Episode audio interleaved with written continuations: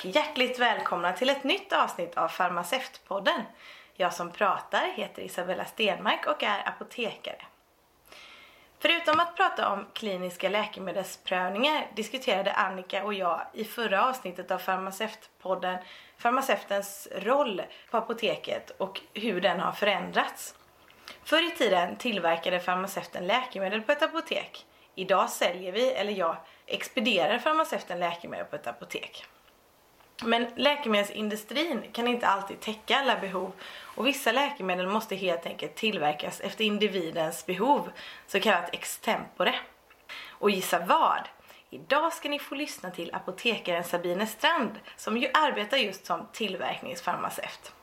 Välkommen till Farmaceutpodden Sabine. Tack så mycket, kul att få vara här. Ja, det är klart. Det är roligt. Och du och jag, vi träffades ju när vi läste till apotekare och vi är ju idag mycket goda vänner. Även om jag känner dig väl då så får du väldigt gärna berätta lite om dig själv för lyssnarna. Ja, jag heter då Sabine Strand och är legitimerad apotekare. Läste vid Göteborgs universitet. Efter examen så flyttade jag från Göteborg och hamnade i Ludvika där jag fick jobb på öppenvårdsapotek. Mm. Testa på lite olika apotekskedjor och roller och jobba på både stort apotek i köpcentrum mm. och litet apotek i glesbygd. Mm. Mm. Men efter några år så längtade jag tillbaka till Göteborg och började söka jobb för att kunna flytta tillbaka. Mm. Läste en arbetsannons där man sökte efter sommarvikarierande farmaceuter inom extempore. Mm. Sökte jobbet, fick komma på intervju och kände direkt att det här känns nytt och det känns spännande. Jag hade inte alls koll på vad det var jag hade sökt egentligen men kände på plats att det här fixar jag. Slutade med att jag jobbade den sommaren, sedan blev jag kvar och det här var sommaren 2016. Mm. Hur kommer det sig att du blev apotekare? Ehm, jag läste naturvetenskaplig linje på, med inriktning natur på ett gymnasium i Karlstad. Mm. Och precis som många som har valt att eh, läsa till apotekare eller receptarie så tyckte jag att det roligaste ämnena var just kemi, biologi och matte. Mm. Så jag visste att jag ville läsa vidare inom någonting inom dessa ämnen. Mm. Så tredje året på gymnasiet så anordnades det en dag där olika yrkesverksamma kom och föreläste om sina branscher. Och då valde jag bland annat att lyssna på en receptarie. Blev fascinerad eh, av att man kunde läsa en utbildning där man fick eh, lära sig om hur läkemedel fungerade i kroppen. Så jag kollade upp den utbildningen Upptäckte att man kunde välja att läsa fem år och fördjupa sig direkt och då bli apotekare. Men mina betyg, som du vet, var mm. inte så lysande. Så efter gymnasiet så skrev jag högskoleprovet. Sökte in till apotekare eh, med det resultatet och på den vägen är det. Mm. Ja, bra jobbat. Ja, tack så mycket. Tänk att det är... Eller jag tänker att om man berättar om sitt yrke. Jag, jag har varit på min gamla gymnasieskola och berättat om hur det är att jobba som apotekare. Och tänk då om man nu har lyckats inspirera någon att gå den här vägen. Mm, det är ganska ja. häftigt. Ja, det är jätteviktigt att ha sådana dagar i gymnasiet. Verkligen. Dels för professionen och dels för att det faktiskt behövs fler farmaceuter i, i Sverige. Mm, mm. Ja, så är det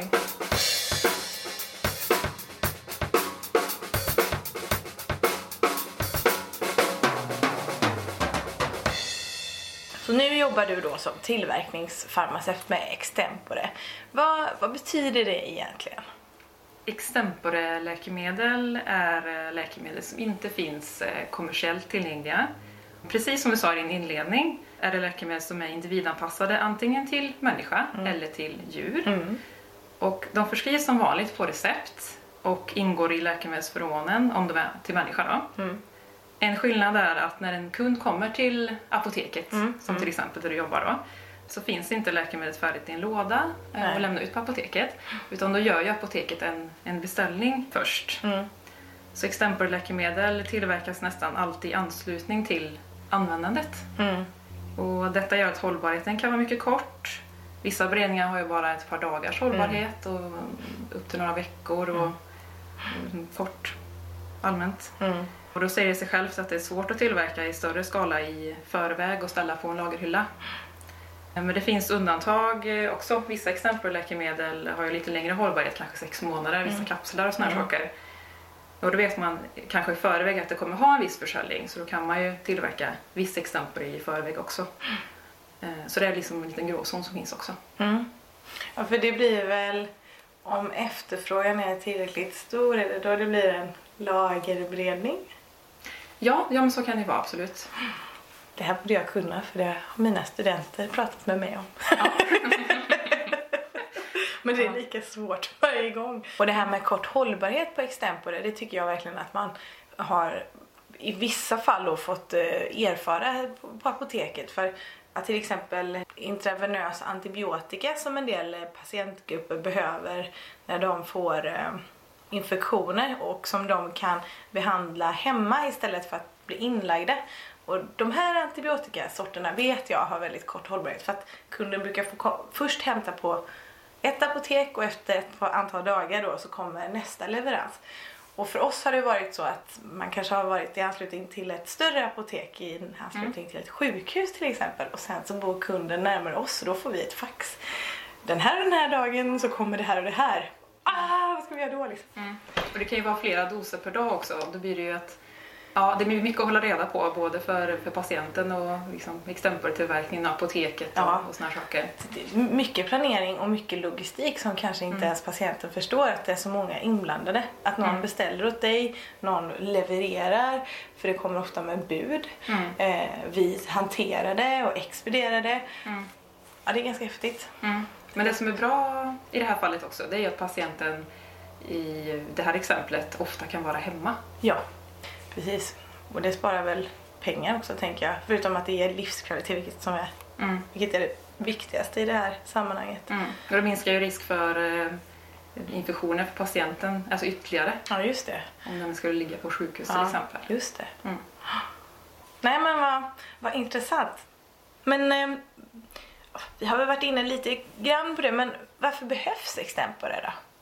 Eh, ja, vi har ju nämnt det här med kort hållbarhet som mm. ett exempel. Eh, och en annan kan vara att läkemedlet som en viss patientgrupp är i behov av är liksom avregistrerat, mm. att det mm. har funnits i Sverige.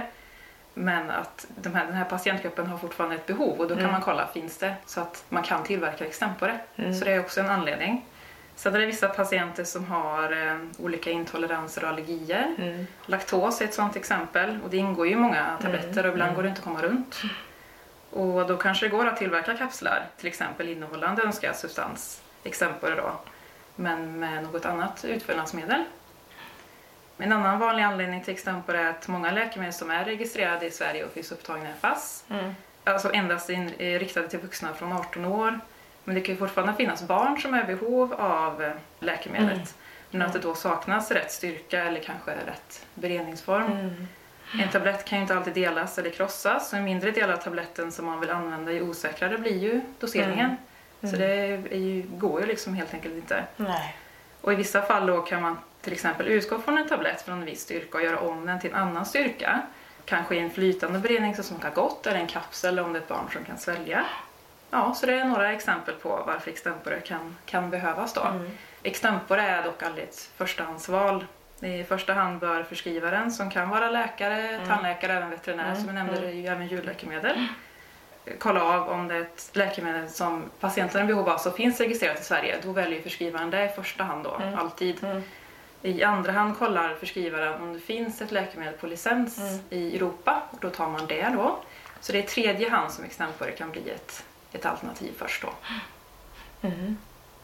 Med min erfarenhet så tycker jag ändå att extempore är ganska vanligt faktiskt och tänk då ändå att det är så många steg innan det blir extempore. Mm. Så det finns ju verkligen ett behov. Ja, 1-2 procent av alla liksom, förskrivna mm. läkemedel är icke-registrerade. Mm. Så det är ändå en andel som syns i statistiken. Mm. Ja, häftigt. Mm. Det, det bidrar du till. Ja. en liten, liten del. En liten del, ja. Jag tillverkar ingenting. Jag späder antibiotika. Ja, det gör du. Det behövs det också. Jo, förvisso.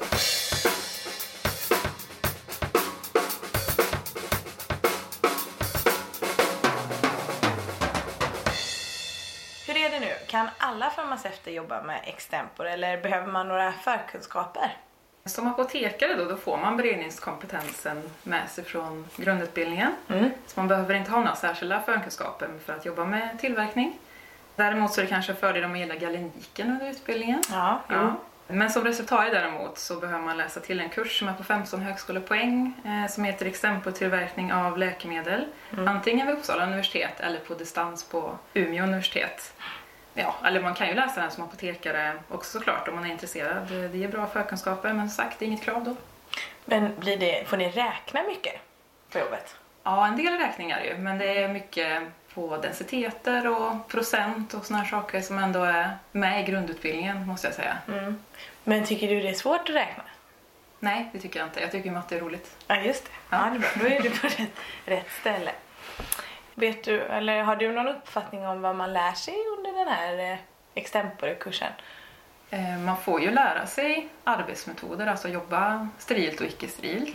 Mm. Och sen får man ju öva på en del beredningar som är, som är på riktigt. Mm. Det är ingenting som skickas till patient naturligtvis, men man får liksom öva på, på, riktiga, på riktiga saker. Mm. Så att eh, personer som valt att läsa den här kursen är ju väl förberedda, verkligen, Mm. När de kommer och vill jobba med extempore. Det har jag sett flera exempel på. Mm. Jag är dock inte en av dem själv. Nej. Jag fick lära mig allt från början.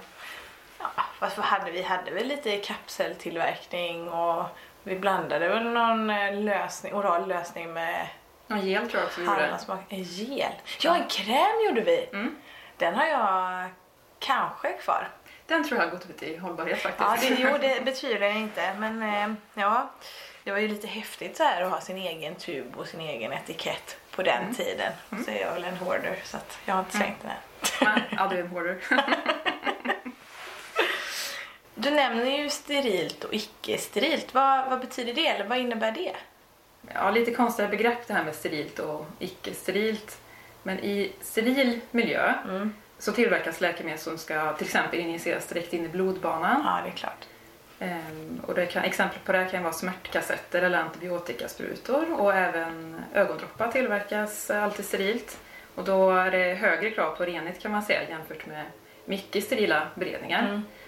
Och då jobbar man ju ofta även i, liksom i laffbänkar, i vissa Mm. sorts bänkar som, som det är liksom en huva på. Mm. Som man så sticker in händerna Mm, i liksom, och mm. jobbar i en högklassad miljö. Liksom, Mm. så, där det inte ska vara liksom, någon tillväxt eller någonting sånt. Men om man jämför dem med icke-sterila beredningar så är det exempel salvor och krämer och så. Det har man ju på huden och då har man en hudbarriär som, som ett skydd emellan. Och även orala beredningar som kapslar till Mm. exempel eller lösningar. Då har man ju magsäcken där magsyra finns. Mm. Så även om kraven är höga, även icke-sterilt, så är det annorlunda än för sterila beredningar. Så man har valt att dela upp det. Man kan ju tillverka allt sterilt men det är liksom onödigt jobb. Mm.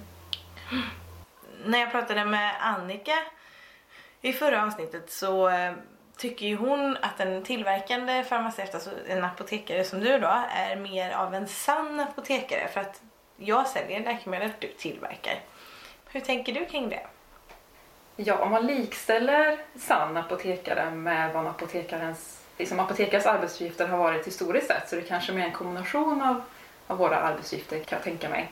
Och att jobba på öppenvårdsapotek med både kunder och tillverkning som det var förut. Nu blir det, sker ju exempeltillverkning av läkemedel endast på ett fåtal ställen i eh, Sverige och alla landsting har beredningsenheter på Mm. sjukhus och sådär.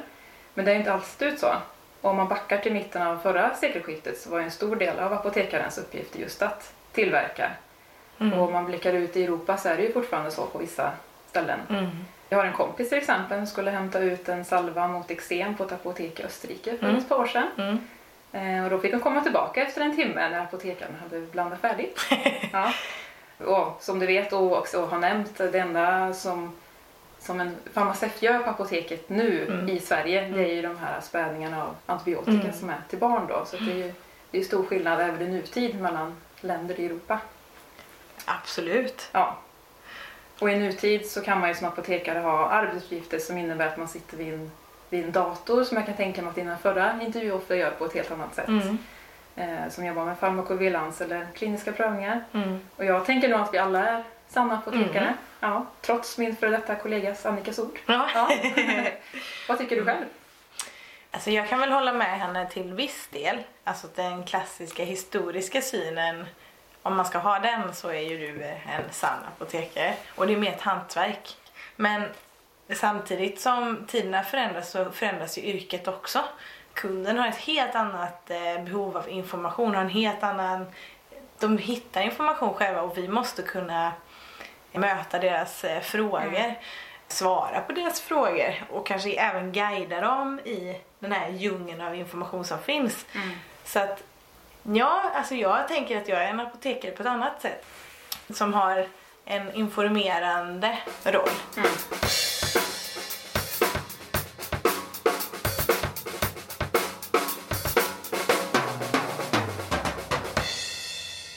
Jag tycker det är väldigt spännande att vi har olika arbetsplatser. Jag är ofta intresserad av vad du gör på ditt jobb. Eh, och när jag föreställer mig dig så ser jag att du står som på ett eh, organkemilabb fast ja, det är på riktigt. Inte Mm. som när vi höll på och experimenterade får jag väl ändå säga under, under utbildningen. Mm.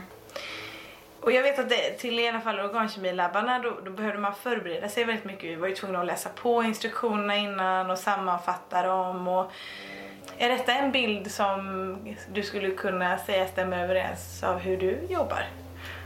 Ja, det finns ju både likheter och olikheter om man jämför eh, mitt jobb inom Extempore Mm. då med organkemilabbarna som Mm. vi hade. Mm. Första anblicken om man i alla fall kommer in i de icke sterila lokalerna Mm. det är att det är ganska likt ett organkemilabb. Mm. Det är ju glaskolvar på hyllor och vågar och bänkar och pipetter och såna saker. Så det är ju liksom en, en likhet och. Yes. Ja. Men sen är det ju inte så att man behöver läsa instruktionerna i förväg och kunna dem. Vissa har man ju övat på i och med sin utbildning i början Mm. när man började jobba med extempore. Men eh, att läsa utantill flera hundra olika instruktioner det är ju som inte hållbart. Det skulle inte jag fixa i Nej. alla fall.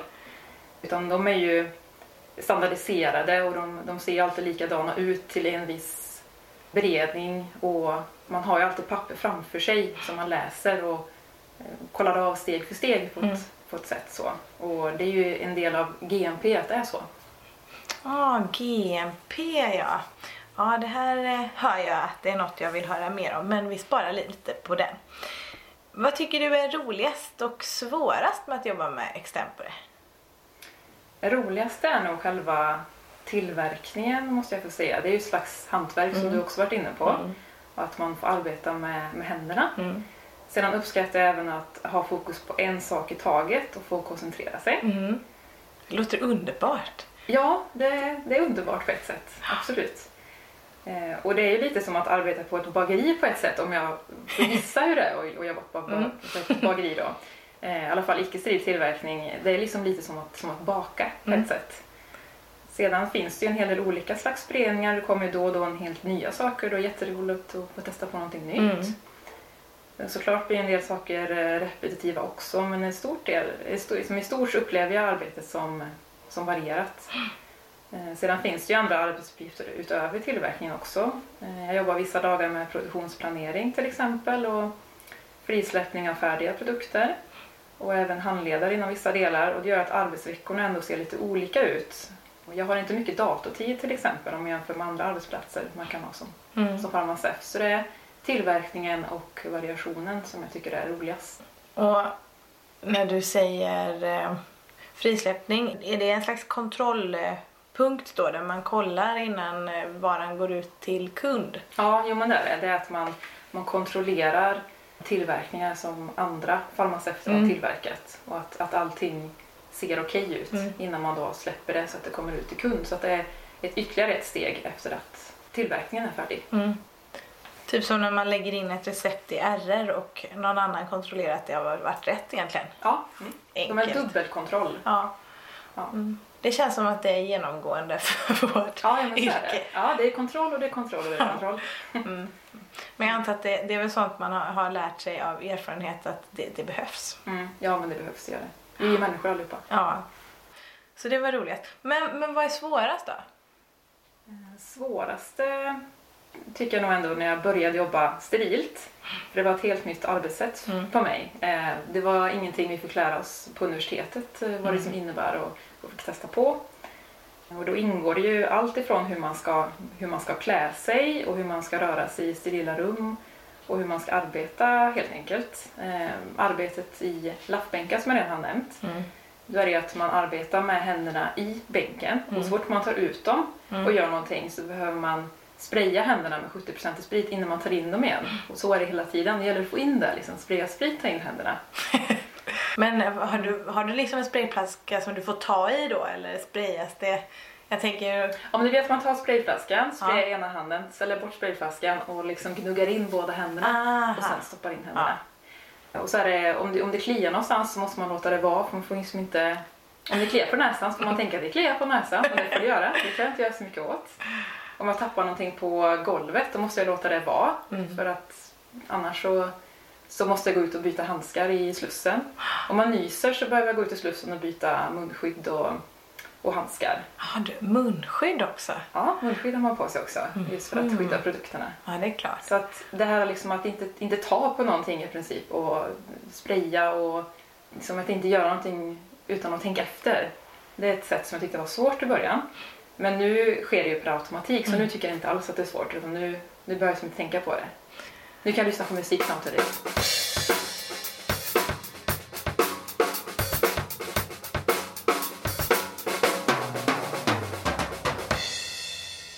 Nämner eh, GMP. Vad, vad är det och hur jobbar du med GMP i ditt dagliga arbete? Ja, GMP är någonting som, som genomsyrar hela min arbetsdag egentligen.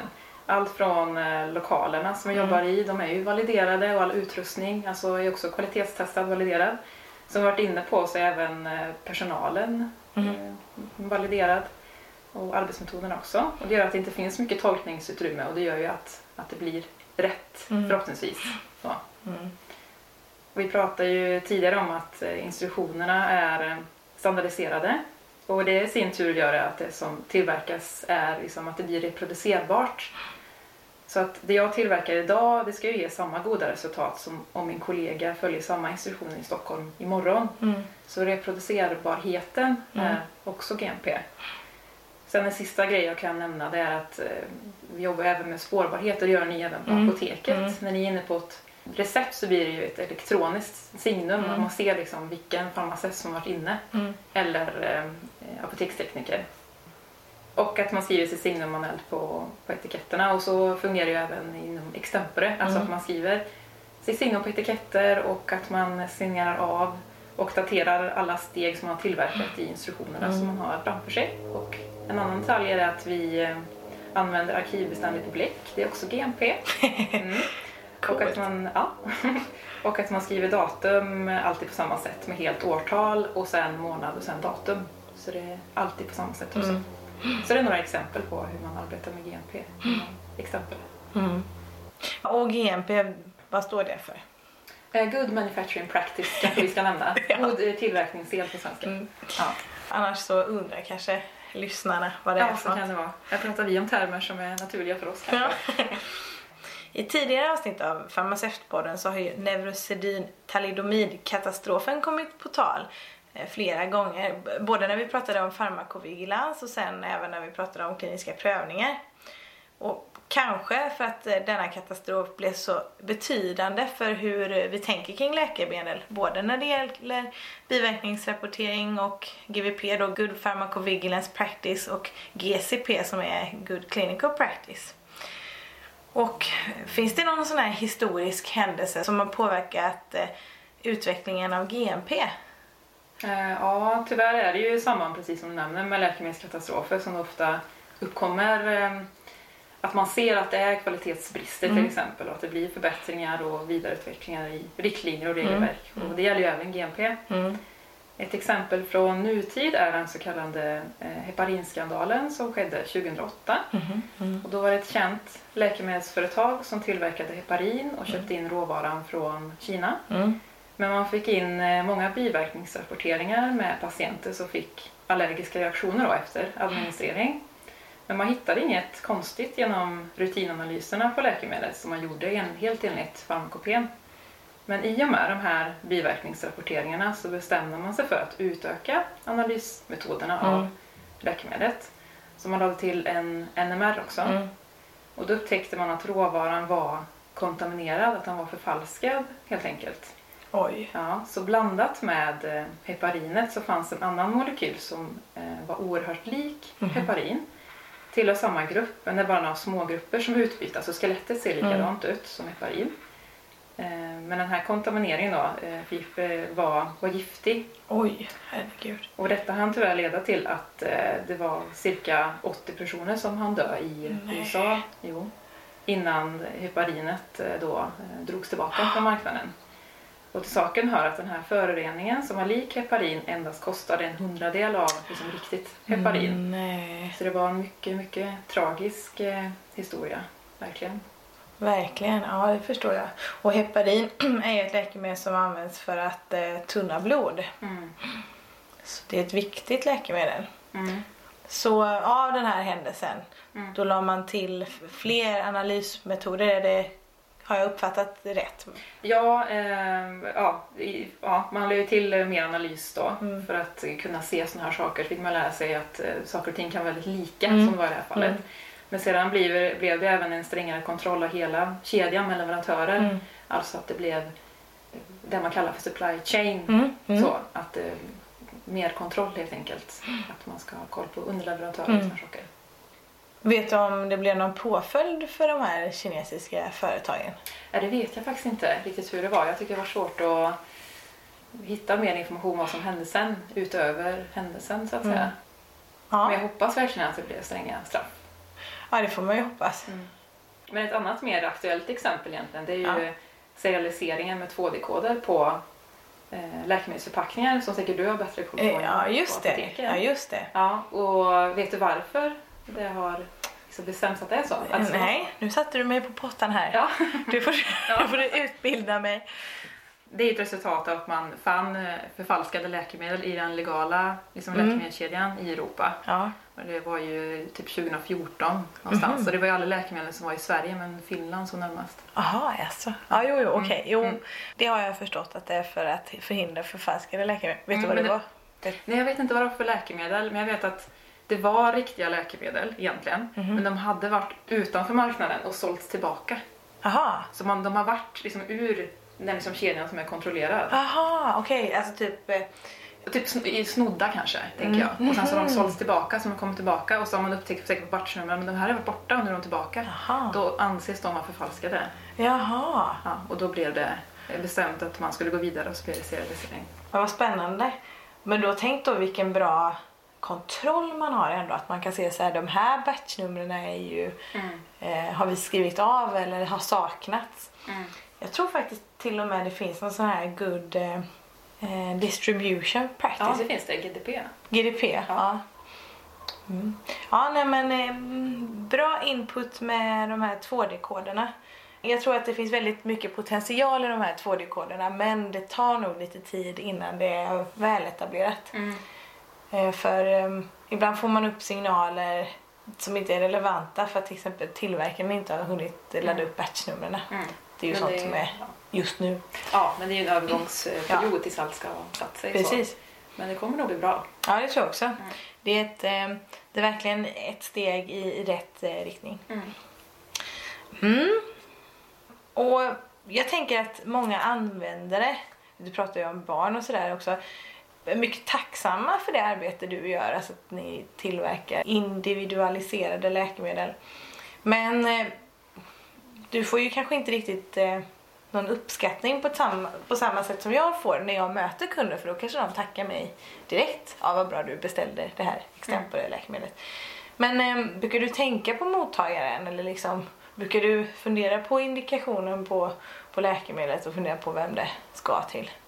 Mm. Ja, indikationen tänker jag ju absolut på. Mm. Eh, särskilt de gånger som de inte följer fasttexterna Mm. utan är off-label. Mm. Då är det ju jätteintressant att läsa på vad det ska användas till för. Så. Eh, för vissa läkemedel är ju ganska ovanliga och det är ju inte säkert att man stöter på dem på öppenvårdsapoteket heller. Extempore tillverkas även direkt till avdelningar och Mm. sådär. Sen, du frågade även det här med uppskattning och sådär. Ja. Jag får ju inget direkt eh, beröm eller ett, ett tack som man kan få på apoteket när man eh, har haft en kund i ett extra gott möte Mm. eller när man har fixat någonting som varit extra problematiskt Mm. eller så. Men jag tycker ändå att det är tillfredsställande när jag lämnar från mig en produkt jag tillverkat och när jag vet att patienten kommer få hjälp den annars inte kunde ha fått kanske Mm. genom att man har tillverkat extempore då. Och särskilt som du nämnde, särskilt när det är barn Mm. såklart och som till exempel är hjärt-kärlsjuka och så, så får en medicin som man kanske då har omformulerat från en vuxenmedicin som vi har nämnt. Mm. Eh, då känns det ju eh, extra bra och barnet kommer då förhoppningsvis må, må bättre av någonting som, som jag har tillverkat. Mm. Så det känns jättebra. Ja, vad fint.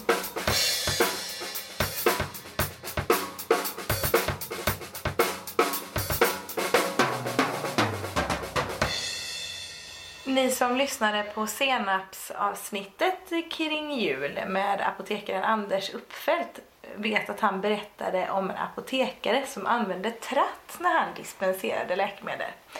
Och om detta tisslades det och tasslades det en del på apoteket. Och allt sedan dess har jag velat veta, Sabine, hur du gör. Använder du tratt? Jag använder tratt faktiskt. Inte hemma i köket, men på min arbetsplats så händer det att jag använder tratt. Ja, det ser man. Men tisslas det och tasslas det om detta eller är det en godtagen arbetsmetod? Det är en godtagen arbetsmetod. Det går det- jättebra att hämta sig en tratt. Jaha, vad bra. Det låter bra. Men ehm, i alla fall till följd av detta så har jag förberett fyra stycken föremål här. Jag har plockat dem ur, ur mitt kök och det här är helt styrt av mina fördomar. Och jag har här då en, eh, en ekolv. Sen har jag faktiskt en tratt.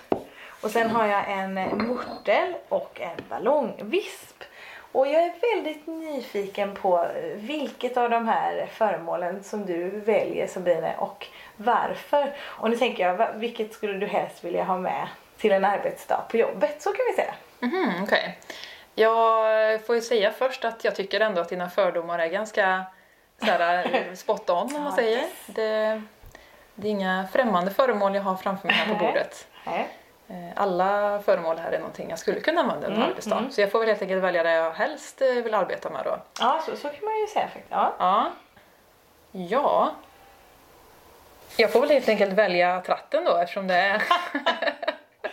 Den har varit på tal förut. Helt Ja. enkelt. Det är ingenting kanske som är det nödvändigaste av de här men eh, vi kör tratten. Vi kör tratten. Vi kör ja. tratten.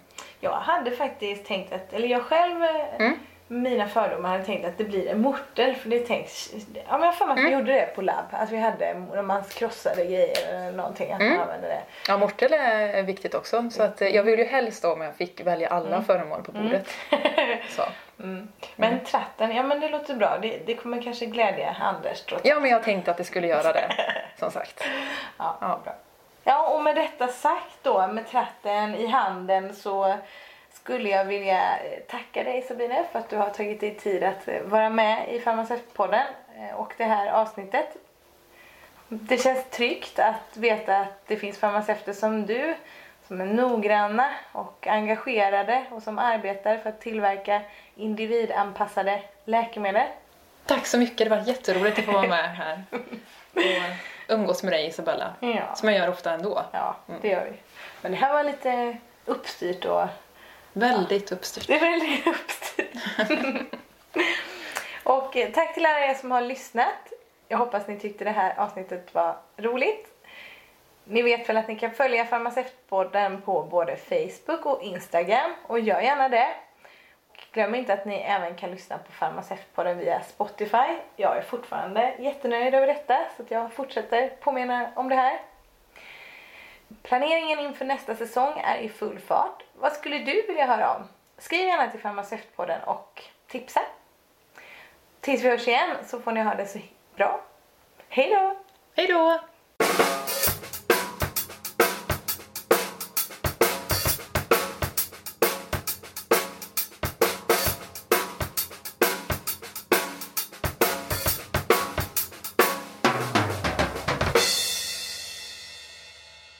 Producerat av Isabella Stenmark för Farmaceutpodden. Trummor Fredrik Podgorski.